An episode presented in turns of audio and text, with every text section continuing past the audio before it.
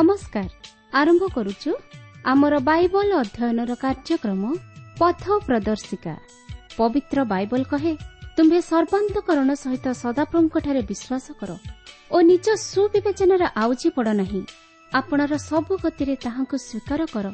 ତହିଁରେ ସେ ତୁମ୍ଭର ପଥ ସବୁ ସରଳ କରିବେ। ଆସନ୍ତୁ ସେହି ପଥ ପ୍ରଦର୍ଶକଙ୍କର ସନ୍ଧାନ ପାଇବା ନିମନ୍ତେ ଶୁଣିବା ବେତାର କାର୍ଯ୍ୟକ୍ରମ ପଥ ପ୍ରଦର୍ଶିକା।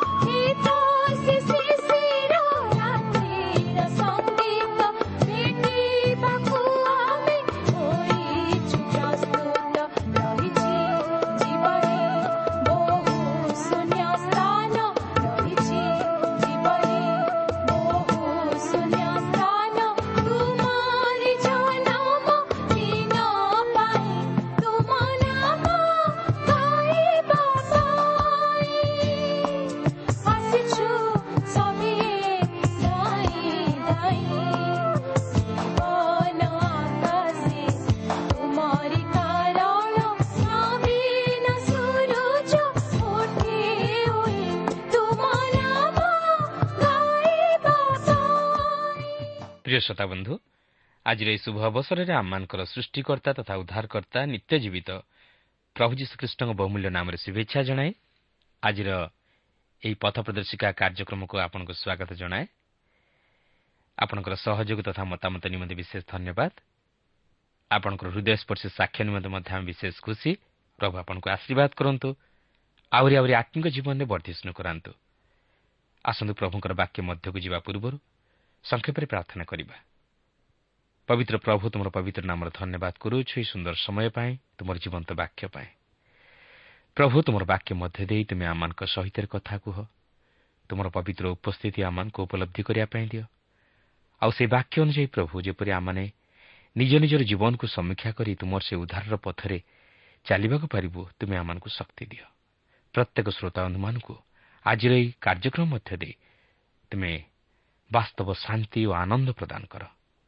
ଏହି ସମସ୍ତ ପ୍ରାର୍ଥନା ପ୍ରିୟ ପ୍ରଭୁ ଯୀଶୁଙ୍କ ନାମରେ ମାଗୁଅଛୁ। ଆମେନ୍।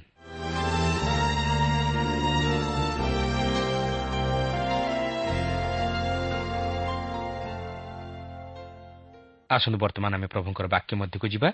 ଆଜି ଆମେ ପ୍ରଥମ ସାମୁଏଲ୍ ପନ୍ଦର ପର୍ବର ଚବିଶ ପଦରୁ ଆରମ୍ଭ କରି ଷୋହଳ ପର୍ବର ତେଇଶ ପଦ ପର୍ଯ୍ୟନ୍ତ ଅଧ୍ୟୟନ କରିବା ନିମନ୍ତେ ଯିବା।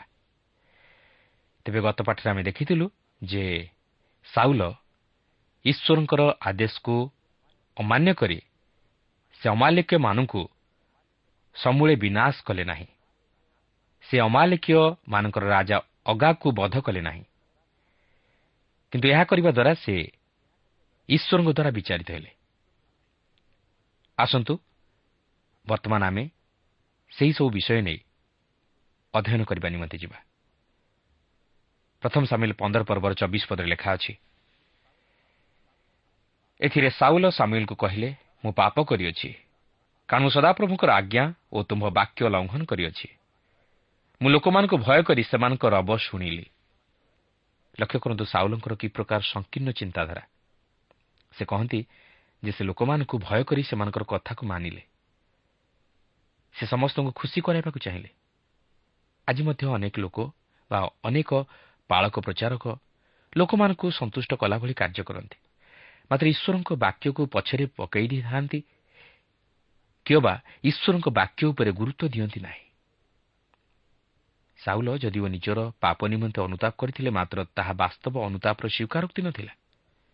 ମାତ୍ର ନିଜର ଦୋଷକୁ ଲୁଚାଇବା ନିମନ୍ତେ ସ୍ୱୀକାରୋକ୍ତି ଥିଲା।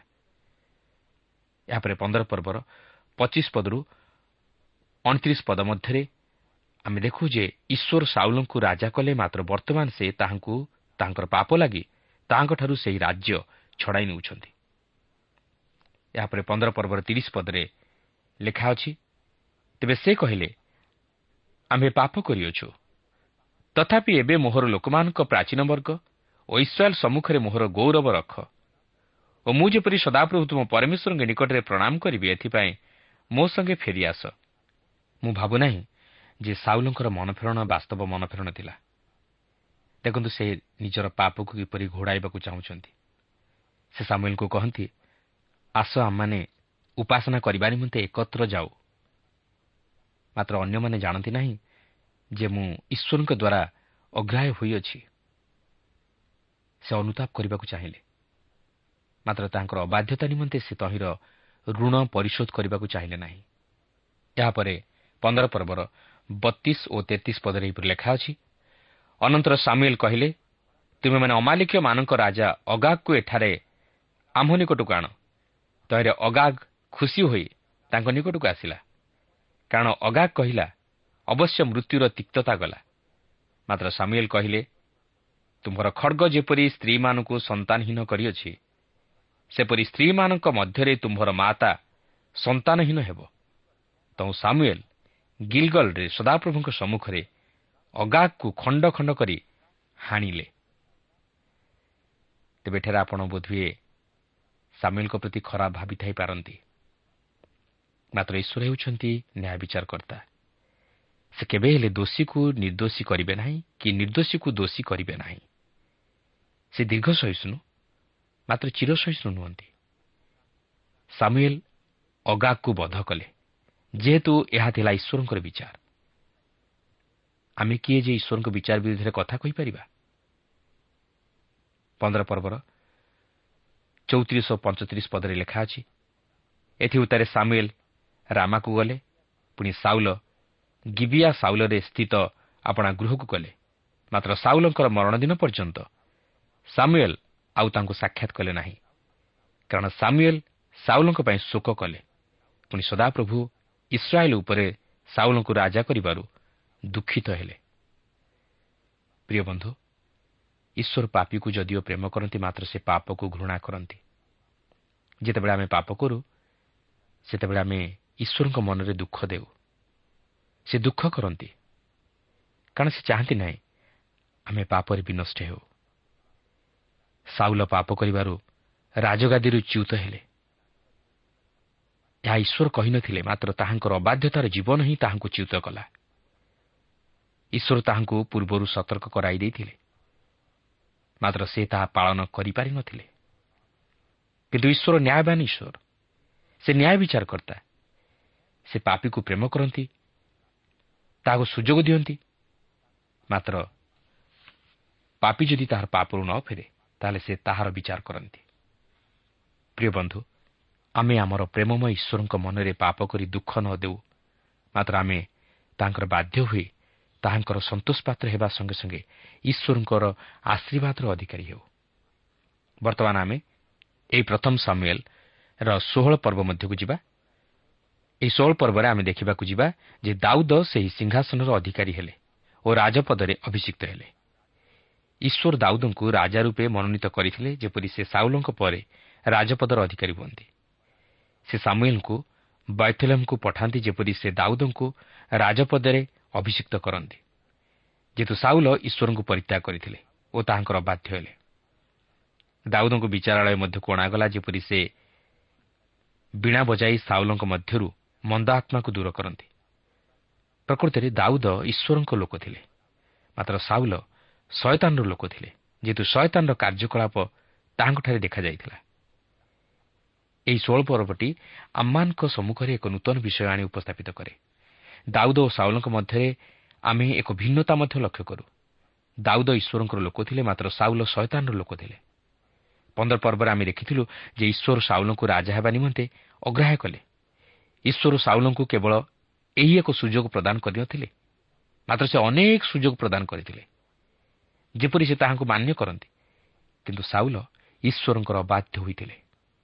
ସେ ଉତ୍ତମ ବିଷୟ ସାଧନ କରିବାକୁ ଥିଲା। ମାତ୍ର ସେ ତାହା କରିନଥିଲେ କିନ୍ତୁ ଈଶ୍ୱର ସାଉଲଙ୍କର ରାଜତ୍ୱର ଫଳାଫଳକୁ ଦେଖିବା ନିମନ୍ତେ ଆଉ ଅପେକ୍ଷା କଲେ ନାହିଁ ଯେହେତୁ ସେ ତାହା ଜାଣିଥିଲେ। କିନ୍ତୁ ସାଉଲ ତାହା ଜାଣିବାକୁ ଥିଲା। ସାମୁଏଲ ମଧ୍ୟ ଜାଣିବାକୁ ଥିଲା। ଯେହେତୁ ସେ ସାଉଲଙ୍କୁ ପ୍ରେମ କରୁଥିଲେ ଓ ସମସ୍ତ ଲୋକମାନେ ମଧ୍ୟ ଜାଣିବାକୁ ଥିଲା ଯେହେତୁ ସେମାନେ ତାହାଙ୍କୁ ରାଜା ରୂପେ ମନୋନୀତ କରିଥିଲେ। କିନ୍ତୁ ଏହାର ଅର୍ଥ ନୁହେଁ ଯେ ପ୍ରଭୁ ଯେତେବେଳେ ତାହାଙ୍କର ଲୋକମାନଙ୍କୁ ଶାସନ କରନ୍ତି ସେ ସେମାନଙ୍କୁ ବିନାଶ କରନ୍ତି। ମାତ୍ର ସେ ସେମାନଙ୍କୁ ଶୃଙ୍ଖଳିତ କରନ୍ତି ଓ ସେମାନଙ୍କୁ ନିଜର ପାପର ପରିଣାମ ଭୋଗ କରିବାକୁ ଦିଅନ୍ତି।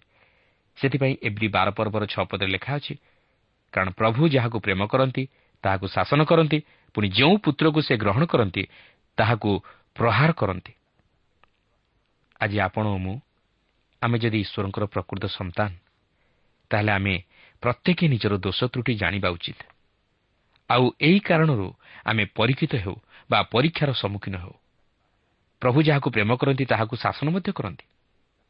ଏହା ହିଁ ହେଉଛି ଈଶ୍ୱରଙ୍କର ପ୍ରଣାଳୀ ଓ ଏହା ଆଜି ମଧ୍ୟ ଆମମାନଙ୍କ ଜୀବନ ନିମନ୍ତେ ଉଦ୍ଦିଷ୍ଟ।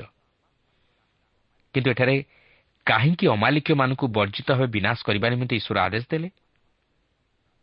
ଅମାଲେକ ଏସୌର ସନ୍ତାନ ଥିଲେ। ଯେତେବେଳେ ଇସ୍ରାଏଲ୍ ସନ୍ତାନଗଣ ସେହି ପ୍ରତିଘାତ ଦେଶରେ ପ୍ରବେଶ କରିବା ନିମନ୍ତେ ଚେଷ୍ଟା କରୁଥିଲେ ସେତେବେଳେ ଏହି ଅମାଲିକୀୟମାନେ ସେମାନଙ୍କ ସହିତ ଯୁଦ୍ଧ କରିଥିଲେ ଈଶ୍ୱର କହିଲେ ଅମାଲିକୀୟମାନଙ୍କ ସହିତ ପୁରୁଷାନୁକ୍ରମେ ସଦାପ୍ରଭୁଙ୍କର ଯୁଦ୍ଧ ହେବ ଓ ସେ ସେମାନଙ୍କର ବିଚାର କରିବେ। ଅମାଲିକୀୟମାନଙ୍କର ପରିବର୍ତ୍ତନ ନିମନ୍ତେ ପାଞ୍ଚଶହ ବର୍ଷ ପର୍ଯ୍ୟନ୍ତ ସୁଯୋଗ ଦିଆଯାଇଥିଲା। କିନ୍ତୁ ସେମାନେ ଈଶ୍ୱରଙ୍କଠାରୁ ବିମୁଖ ହେବାରୁ ଈଶ୍ୱର ସେମାନଙ୍କର ବିଚାର କଲେ। ବର୍ତ୍ତମାନ ଆମେ ଦେଖୁଛୁ ଯେ ଈଶ୍ୱର ସାଉଲଙ୍କ ସ୍ଥାନରେ ଦାଉଦଙ୍କୁ ଇସ୍ରାଏଲ୍ର ରାଜା ରୂପେ ମନୋନୀତ କରୁଅଛନ୍ତି। ଈଶ୍ୱର ସାମୁଏଲ୍ଙ୍କୁ ବୈଥେଲେମ୍କୁ ପଠାଉଛନ୍ତି ଦାଉଦଙ୍କୁ ରାଜପଦରେ ଅଭିଷିକ୍ତ କରିବା ନିମନ୍ତେ। ଦାଉଦ ଈଶ୍ୱରଙ୍କର ମନୋରମତ ଥିଲେ। ଯଦିଓ ଈଶ୍ୱର ଦାଉଦଙ୍କ ସହିତ ସମସ୍ୟାର ସମ୍ମୁଖୀନ ହୋଇଥିଲେ ମାତ୍ର ଦାଉଦ ତାହାଙ୍କର ମନୋନୀତ ବ୍ୟକ୍ତି ଥିଲେ। ଦେଖନ୍ତୁ ଷୋହଳ ପର୍ବର ପ୍ରଥମ ପଦରେ ଏହିପରି ଲେଖା ଅଛି ଅନନ୍ତର ସଦାପ୍ରଭୁ ସାମୁଏଲ୍ଙ୍କୁ କହିଲେ ତୁମ୍ଭେ କେତେକାଳ ସାଉଲଙ୍କ ପାଇଁ ଶୋକ କରିବ? ଆମ୍ଭେ ତ ତାହାକୁ ଇସ୍ରାଏଲ୍ ଉପରେ ରାଜା ହୋଇଥିବା ପାଇଁ ତୁଚ୍ଛ କଲୁ। ତୁମ୍ଭେ ଆପଣା ଶୃଙ୍ଗ ତୈଳରେ ପୂର୍ଣ୍ଣ କରି ଚାଲ। ଆମ୍ଭେ ତୁମକୁ ବୈଥଲିମୀୟ ଜିସି ନିକଟକୁ ପଠାଇବା। କାରଣ ତାହାର ପୁତ୍ରମାନଙ୍କ ମଧ୍ୟରେ ଆମ୍ଭେ ଆପଣା ପାଇଁ ଏକ ରାଜା ଦେଖିଅଛୁ। ଦେଖନ୍ତୁ ସାମୁଏଲ୍ ସାଉଲଙ୍କୁ ଅତି ଭଲ ପାଉଥିଲେ ଓ ସେ ସାଉଲଙ୍କୁ ରାଜପଦରୁ ବିତାଡ଼ିତ କରିବାକୁ ଚାହୁଁନଥିଲେ। ସାଉଲ ଯେ ରାଜଗାଦୀରୁ ବିତାଡ଼ିତ ହୋଇଛନ୍ତି ଏହି ସମ୍ବାଦ ସାମୁଏଲ୍ ସାଉଲଙ୍କୁ ଜଣାଇବାକୁ ଇଚ୍ଛା କରୁନଥିଲେ। ସାଉଲ ରାଜା ରୂପେ ଅଗ୍ରାହ୍ୟ ହେବା ବିଷୟ ସାମୁଏଲ୍ଙ୍କ ହୃଦୟକୁ ଏକ ଦାରୁଣ ଆଘାତ ପହଞ୍ଚାଇଥିଲା। ମାତ୍ର ଈଶ୍ୱରଙ୍କ ଯୋଜନା ଭିନ୍ନ। କାରଣ ସେ ମନୁଷ୍ୟର ଅନ୍ତଃକରଣ ଦେଖନ୍ତି। ସେ ସାଉଲଙ୍କ ସ୍ଥାନରେ ତାହାଙ୍କର ମନୋରମତା ବ୍ୟକ୍ତିଙ୍କୁ ନିଯୁକ୍ତି ଦେବାକୁ ଯାଉଅଛନ୍ତି ଆଉ ସେ ହେଉଛନ୍ତି ଦାଉଦ। ଆଉ ସେ ସାମୁଏଲ୍ଙ୍କୁ ଦାଉଦଙ୍କ ନିକଟକୁ ପଠାନ୍ତି ଯେପରି ସାମୁଏଲ୍ ତାହାଙ୍କୁ ରାଜପଦରେ ଅଭିଷିକ୍ତ କରାନ୍ତି। ଷୋହଳ ପର୍ବର ଦୁଇ ଓ ତିନି ପଦରେ ଲେଖା ଅଛି ତରେ ସାମୁଏଲ୍ କହିଲେ ମୁଁ କି ରୂପେ ଯାଇପାରିବି? ସାଉଲ ଏହା ଶୁଣିଲେ ମୋତେ ବଦ୍ଧ କରିବେ? ଆଉ ସଦାପ୍ରଭୁ କହିଲେ ତୁମ୍ଭେ ଗୋଟିଏ ଛଡ଼ା ସଙ୍ଗରେ ନିଅ ଓ କୁହ ଆମେ ସଦାପ୍ରଭୁଙ୍କ ଉଦ୍ଦେଶ୍ୟରେ ବଳିଦାନ କରିବାକୁ ଆସିଅଛୁ। ପୁଣି ଜିଶିକି ସେ ବଳିଦାନ ପାଇଁ ନିମନ୍ତ୍ରଣ କର। ତହିଁରେ ତୁମ୍ଭର ଯାହା କର୍ତ୍ତବ୍ୟ ତାହା ଆମ୍ଭେ ତୁମ୍ଭକୁ ଜଣାଇବା। ପୁଣି ଆମ୍ଭେ ଯାହାକୁ କହିବା ତୁମ୍ଭେ ଆମ୍ଭ ପାଇଁ ତାହାକୁ ଅଭିଷେକ କରିବ। ସାମୁଏଲ ଯୀଶୁଙ୍କ ନିକଟକୁ ଯିବା ନିମନ୍ତେ ଭୟ କରୁଅଛନ୍ତି। କାରଣ ସାଉଲ ତାହା ଜାଣିଲେ ତାହାଙ୍କୁ ବଧ କରିବ। କିନ୍ତୁ ଆମେ ଦେଖୁଛୁ ଯେ ଈଶ୍ୱର ଦାଉଦଙ୍କୁ ମନୋନୀତ କରିଅଛନ୍ତି ଓ ସେ ଦାଉଦଙ୍କୁ ରାଜା କରିବାକୁ ଚାହାନ୍ତି। ତେଣୁ ସେ ସାମୁଏଲଙ୍କୁ କ'ଣ କରିବାକୁ ହେବ ତାହା ଜଣାନ୍ତି। କିନ୍ତୁ ଆଗକୁ କ'ଣ ଘଟିବ ତାହା ସେ ଜଣାଉନାହାନ୍ତି। କିନ୍ତୁ ସେ ତାହାଙ୍କୁ ସୁରକ୍ଷା ଦେବା ନିମନ୍ତେ ସମସ୍ତ ବିଷୟ ପୂର୍ବରୁ ଜଣାଇଲେ ନାହିଁ। ତେଣୁ ସାମୁଏଲ ବୈତଲମକୁ ଯାଇ ଜିସିର ଗୃହକୁ ଯାଉଛନ୍ତି ଓ ସେ ଜିସି ଏବଂ ତାହାଙ୍କର ସନ୍ତାନମାନଙ୍କୁ ବଳିଦାନ ଉତ୍ସର କରିବା ନିମନ୍ତେ ଆହ୍ୱାନ କରନ୍ତି। ଷୋହଳ ପରିବର ଚାରିପଦରୁ ସାତ ପଦ ମଧ୍ୟରେ ଆମେ ଦେଖୁ ଏହିପରି ଲେଖା ଅଛି। ଏଥିରେ ସାମିଲ ସଦାପ୍ରଭୁଙ୍କ ବାକ୍ୟାନୁସାରେ କାର୍ଯ୍ୟ କରି ବୈଥିଲେମ୍ରେ ଉପସ୍ଥିତ ହେଲେ ତହିଁରେ ନଗରର ପ୍ରାଚୀନମାନେ କମ୍ପମାନ ହୋଇ ତାଙ୍କୁ ଭେଟିବାକୁ ଆସି ପଚାରିଲେ ଆପଣଙ୍କ ଆଗମନ କୁଶଳ? ସେ କହିଲେ କୁଶଳ। ମୁଁ ସଦାପ୍ରଭୁଙ୍କ ଉଦ୍ଦେଶ୍ୟରେ ବଳିଦାନ କରିବାକୁ ଆସିଅଛି। ତୁମେମାନେ ଆପଣମାନଙ୍କୁ ପବିତ୍ର କର ପୁଣି ମୋ ସଙ୍ଗେ ବଳିଦାନ କରିବାକୁ ଆସ। ଏଉତାରେ ସେ ଜିସିକି ଓ ତାହାର ପୁତ୍ରମାନଙ୍କୁ ପବିତ୍ର କରି ବଳିଦାନ ନିମନ୍ତେ ଆସିବା ପାଇଁ ନିମନ୍ତ୍ରଣ କଲେ। ପୁଣି ସେମାନେ ଆସିଲା ଉତ୍ତାରେ ସେ ଇଲିଆବ ପ୍ରତି ଦୃଷ୍ଟି କରି କହିଲେ ଅବଶ୍ୟ ସଦାପ୍ରଭୁଙ୍କ ଆଗରେ ତାଙ୍କର ଅଭିଷିକ୍ତ ଲୋକ ଉପସ୍ଥିତ। ମାତ୍ର ସଦାପ୍ରଭୁ ସାମୁଏଲଙ୍କୁ କହିଲେ ଏହାର ରୂପ କି ଶରୀରର ଉଚ୍ଚତା ପ୍ରତି ଦୃଷ୍ଟି ନ କର। ଯେହେତୁ ଆମ୍ଭେ ଏହାକୁ ଅଗ୍ରାହ୍ୟ କଲୁ ପୁଣି ମନୁଷ୍ୟ ଯେପରି ଦେଖେ ସଦାପ୍ରଭୁ ସେପରି ଦେଖନ୍ତି ନାହିଁ।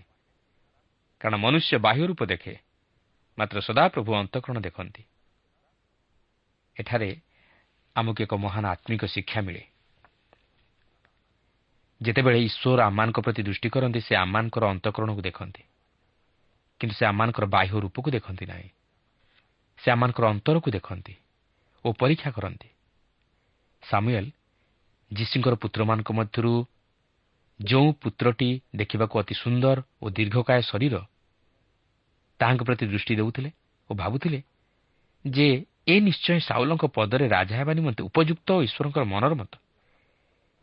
କିନ୍ତୁ ଈଶ୍ୱର ସାମୁଏଲକୁ କହନ୍ତି ସାମୁଏଲ ତୁମେ କେବଳ ବାହ୍ୟ ରୂପ କିମ୍ବା ସୌନ୍ଦର୍ଯ୍ୟକୁ ଦେଖ ନାହିଁ କେବଳ ବାହ୍ୟ ରୂପକୁ ଦେଖି ତାହାକୁ ରାଜା ରୂପେ ମନୋନୀତ କର ନାହିଁ। ମୁଁ ବର୍ତ୍ତମାନ ମୋର ମନୋନୀତ ବ୍ୟକ୍ତିକୁ ସ୍ଥିର କରିବାକୁ ଯାଉଅଛି। ମୋତେ ତାହା ମନୋନୀତ କରିବାକୁ ଦିଅ। ସେ ସାମୁଏଲଙ୍କୁ କହୁଛନ୍ତି ତୁମ୍ଭେ ବାହ୍ୟ ସୌନ୍ଦର୍ଯ୍ୟ ପ୍ରତି ଦୃଷ୍ଟି ଦିଅ ନାହିଁ। ଈଶ୍ୱର ହୃଦୟ ଦେଖିବାକୁ ଯାଉଅଛନ୍ତି ଓ ସେ ମନୁଷ୍ୟର ମନ ଜାଣି ତାହାକୁ ଫଳ ଦିଅନ୍ତି। ଏହିପରି ଭାବରେ ଯିସି ତାଙ୍କର ପୁତ୍ରମାନଙ୍କୁ ଜଣଙ୍କ ପରେ ଅନ୍ୟ ଜଣକୁ ଆଣି ସାମୁଏଲଙ୍କ ଆଗରେ ଛିଡ଼ା କରାଇଲେ। ଯେହେତୁ ସାମୁଏଲ ତାଙ୍କ ଆଗମନର ଉଦ୍ଦେଶ୍ୟ ଯୀଶୁଙ୍କୁ ଜଣାଇଥିଲେ।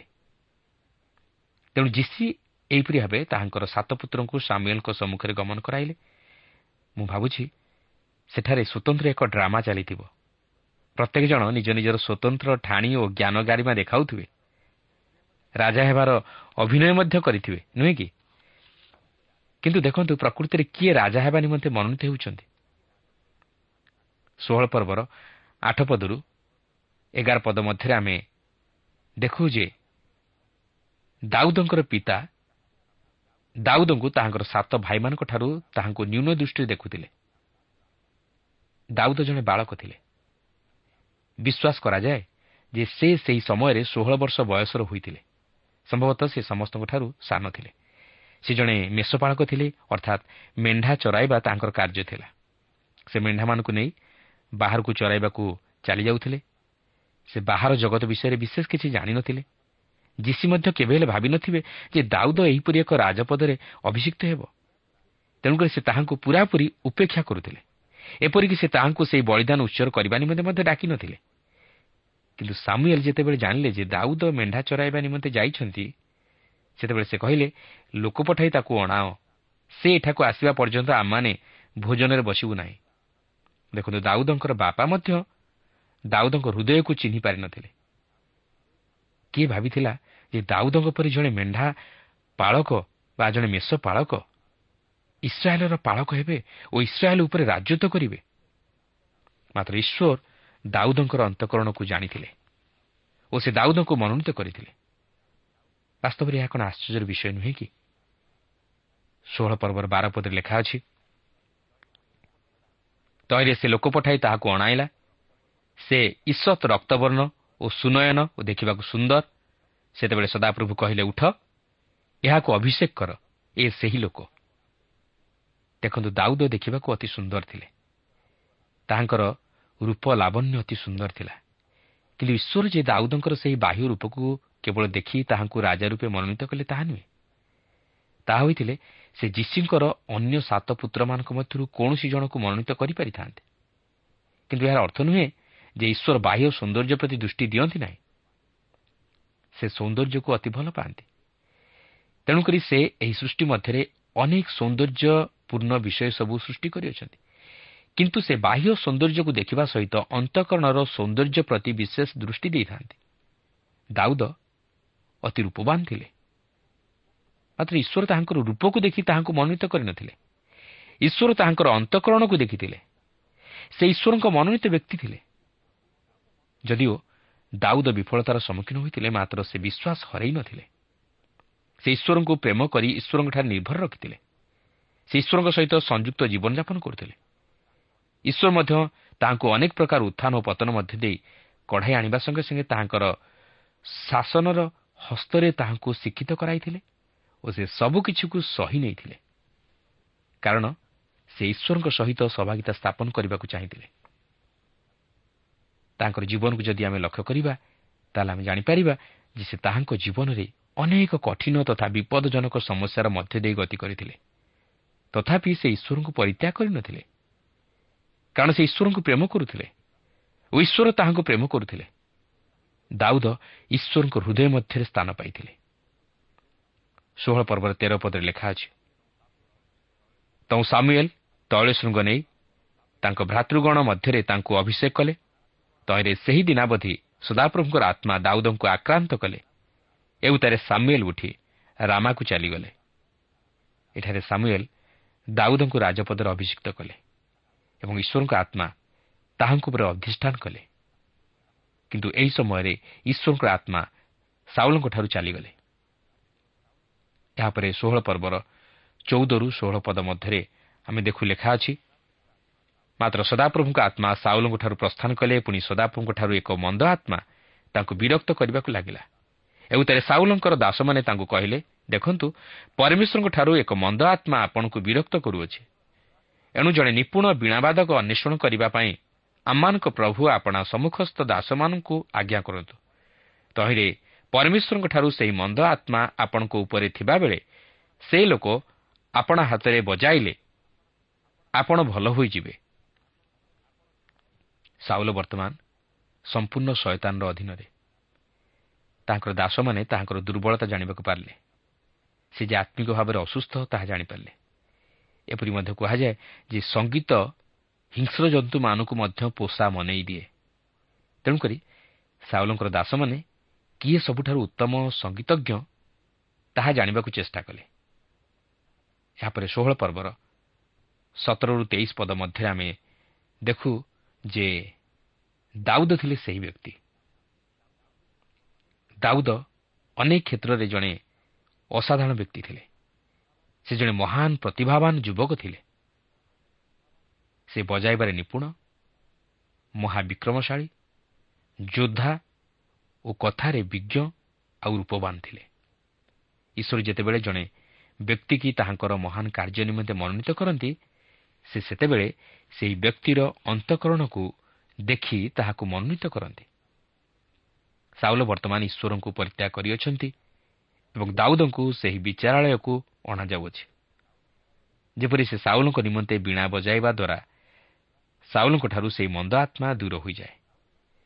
ତେବେ ଦାଉଦ ଯଦିଓ ଏପର୍ଯ୍ୟନ୍ତ ଇସ୍ରାଏଲ୍ର ରାଜା ରୂପେ ଜଣାଯାଇ ନାହାନ୍ତି ବା ପରିଚିତ ହୋଇନାହାନ୍ତି କିନ୍ତୁ ସେ ଇସ୍ରାଏଲ୍ର ଜଣେ ନୂତନ ରାଜା ରୂପେ ଈଶ୍ୱରଙ୍କ ଦ୍ୱାରା ମନୋନୀତ ହୋଇସାରିଛନ୍ତି ଓ ସାମୁଏଲ୍ଙ୍କ ଦ୍ୱାରା ଅଭିଷିକ୍ତ ହୋଇସାରିଛନ୍ତି। ତେବେ ଏହିଠାରେ ଆମେ ପ୍ରଥମ ସାମୁଏଲ୍ ପୁସ୍ତକର ଷୋହଳ ପର୍ବଟିକୁ ଅଧ୍ୟୟନ କରି ସମାପ୍ତ କଲୁ କିନ୍ତୁ ପରବର୍ତ୍ତୀ କାର୍ଯ୍ୟକ୍ରମରେ ସତର ଓ ଅଠର ପର୍ବ ଅଧ୍ୟୟନ କରି ଆଲୋଚନା କରିବାକୁ ଯିବା। କିନ୍ତୁ ଏଠାରେ ଆଜିର ଏହି କାର୍ଯ୍ୟକ୍ରମ ସମାପ୍ତ କରିବା ପୂର୍ବରୁ ମୁଁ ଆପଣଙ୍କୁ ଗୋଟିଏ କଥା କହି ରଖେ। ଆପଣ ନିଜର ବ୍ୟକ୍ତିଗତ ପ୍ରାର୍ଥନା ସମୟରେ ଏହି ବିଷୟକୁ ସ୍ମରଣ କରନ୍ତୁ ଓ ନିଜକୁ ପଚାରନ୍ତୁ ବାସ୍ତବରେ ମୋର ଅନ୍ତଃକରଣ ଆଜି ଈଶ୍ୱରଙ୍କ ଦୃଷ୍ଟିରେ ଗ୍ରହଣଯୋଗ୍ୟ? ମୋ ଅନ୍ତରରେ କ'ଣ ସେହି ସରଳତା ନମ୍ରତା ବିଶ୍ୱାସ ପ୍ରେମ ଅଛି କି? ମୁଁ କ'ଣ ଆଜି ଈଶ୍ୱରଙ୍କର ସନ୍ତୋଷ ପାତ୍ର ହୋଇପାରିଛି କି? ମୁଁ କ'ଣ ଆଜି ଈଶ୍ୱରଙ୍କ ବାକ୍ୟର ବାଧ୍ୟ ହୋଇପାରିଛି କି? ଯଦି ନାହିଁ ତାହେଲେ ସେହି ମୁହୂର୍ତ୍ତରେ ପ୍ରଭୁ ଯୀଶୁଙ୍କ ନିକଟରେ ନିଜର ଜୀବନକୁ ସମର୍ପଣ କରନ୍ତୁ। ନିଜର ପାପ ଓ ଦୁର୍ବଳତା ନିମନ୍ତେ କ୍ଷମା ମାଗନ୍ତୁ ଓ ପ୍ରଭୁଙ୍କର ଯେପରି ସନ୍ତୋଷ ପାତ୍ର ହୋଇ ତାଙ୍କ ଆଶୀର୍ବାଦର ଅଧିକାରୀ ହୋଇପାରନ୍ତି ଏଥିନିମନ୍ତେ ତାହାଙ୍କ ବାକ୍ୟର ବାଧ୍ୟ ହୋଇ ଜୀବନଯାପନ କରିବା ନିମନ୍ତେ ପଦକ୍ଷେପ ନିଅନ୍ତୁ। ତାହେଲେ ସେ ଆପଣଙ୍କ ଜୀବନକୁ ବିନାଶରୁ ରକ୍ଷା କରିବେ ଓ ସେହି ଜୀବନ ତଥା ଆଲୋକର ପଥରେ କଢ଼ାଇ ନେବେ। ପ୍ରିୟ ବନ୍ଧୁ ଈଶ୍ୱର ତାହାଙ୍କର ବାକ୍ୟ ମଧ୍ୟ ଦେଇ ଆଜି ଆମମାନଙ୍କୁ ସତର୍କ କରାଇ ଦିଅନ୍ତି ଯେପରି ଆମମାନେ ପ୍ରଭୁଙ୍କର ସନ୍ତୋଷ ପାତ୍ର ହେଉ ଏବଂ ପ୍ରଭୁଙ୍କର ଇଚ୍ଛା ଅନୁମୋଦିତ କାର୍ଯ୍ୟ କରୁ। ପ୍ରଭୁଙ୍କର ଆହ୍ୱାନକୁ ସଫଳ କରୁ। ଏବଂ ପ୍ରଭୁଙ୍କର ଆହ୍ୱାନ ଅନୁଯାୟୀ ନିଜ ନିଜକୁ ତାହାଙ୍କର ସେବା ତାହାଙ୍କର କାର୍ଯ୍ୟ ସାଧନ କରିବା ନିମନ୍ତେ ତାହାଙ୍କର ଅଭିମତ ସଫଳ କରିବା ନିମନ୍ତେ ଆଗେଇ ଯାଉ। ସେଦିନ ପ୍ରଭୁ ଦାଉଦଙ୍କୁ ରାଜପଦରେ ଅଭିଷେକ କଲେ। କାହିଁକି? ଯେହେତୁ ଦାଉଦଙ୍କର ହୃଦୟ ଦାଉଦଙ୍କର ଅନ୍ତକରଣ ପ୍ରଭୁଙ୍କ ଦୃଷ୍ଟିରେ ସରଳ ଥିଲା ନମ୍ର ଥିଲା। ପ୍ରକୃତିରେ ପ୍ରଭୁ ଆମମାନଙ୍କର ଅନ୍ତକରଣ ଦେଖନ୍ତି। ଆମମାନେ ମନୁଷ୍ୟକୁ ଭଣ୍ଡେଇ ପାରୁ। ଆମମାନେ ମନୁଷ୍ୟ ନିକଟରେ ଛଳନା କରିପାରୁ କିନ୍ତୁ ପ୍ରଭୁ ଆମମାନଙ୍କର କାର୍ଯ୍ୟକଳାପକୁ ଦେଖନ୍ତି। ତେଣୁ ଆସୁ ପ୍ରଭୁଙ୍କ ନିକଟରେ ବିଶ୍ୱସ୍ତ ରହିବା ପାଇଁ ଚେଷ୍ଟା କରୁ। ପ୍ରଭା ପ୍ରତ୍ୟେକଙ୍କୁ ଆଶୀର୍ବାଦ କରନ୍ତୁ।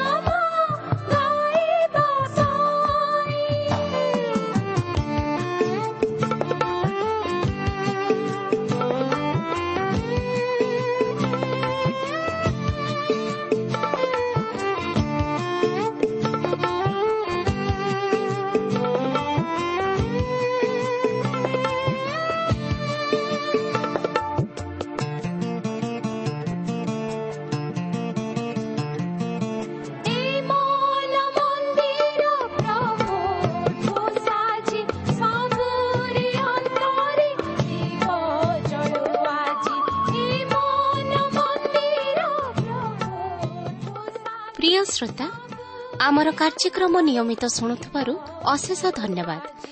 ଆପଣ ଏହି କାର୍ଯ୍ୟକ୍ରମ ଶୁଣିବା ଦ୍ୱାରା ଆତ୍ମିକ ଜୀବନରେ ଉପକୃତ ହୋଇପାରିଥିବେ ବୋଲି ଆମର ବିଶ୍ୱାସ। ପ୍ରଭୁ ଯୀଶୁଙ୍କ ବିଷୟରେ ଅଧିକ ଜାଣିବାର ଆଗ୍ରହ ଥିଲେ ଅଥବା ଉପାଦାୟ ପୁସ୍ତକର ଆବଶ୍ୟକ ଥିଲେ ଆମ ସହ ଯୋଗାଯୋଗ କରନ୍ତୁ। ଆମର ଠିକଣା ପଥ ପ୍ରଦର୍ଶିକା Trans World Radio India post box number ତିନି ତିନି ଭୁବନେଶ୍ୱର ସାତ ପାଞ୍ଚ ଏକ ଶୂନ ଶୂନ ଏକ। Mobile number nine seven double seven double two one four one five ଠିକଣାଟି ଆଉଥରେ ଶୁଣନ୍ତୁ। ପଥ ପ୍ରଦର୍ଶିକା Trans World Radio India post box number three three Bhubaneswar seven five one zero zero one mobile number nine seven double seven double two one four one five ଆମର email ଆଡ୍ରେସଟି ଲେଖି ରଖନ୍ତୁ Odia TTV at radio eight eight two dot com ତେବେ ଆଜି ପାଇଁ ବିଦାୟ ଦିଅନ୍ତୁ। ନମସ୍କାର।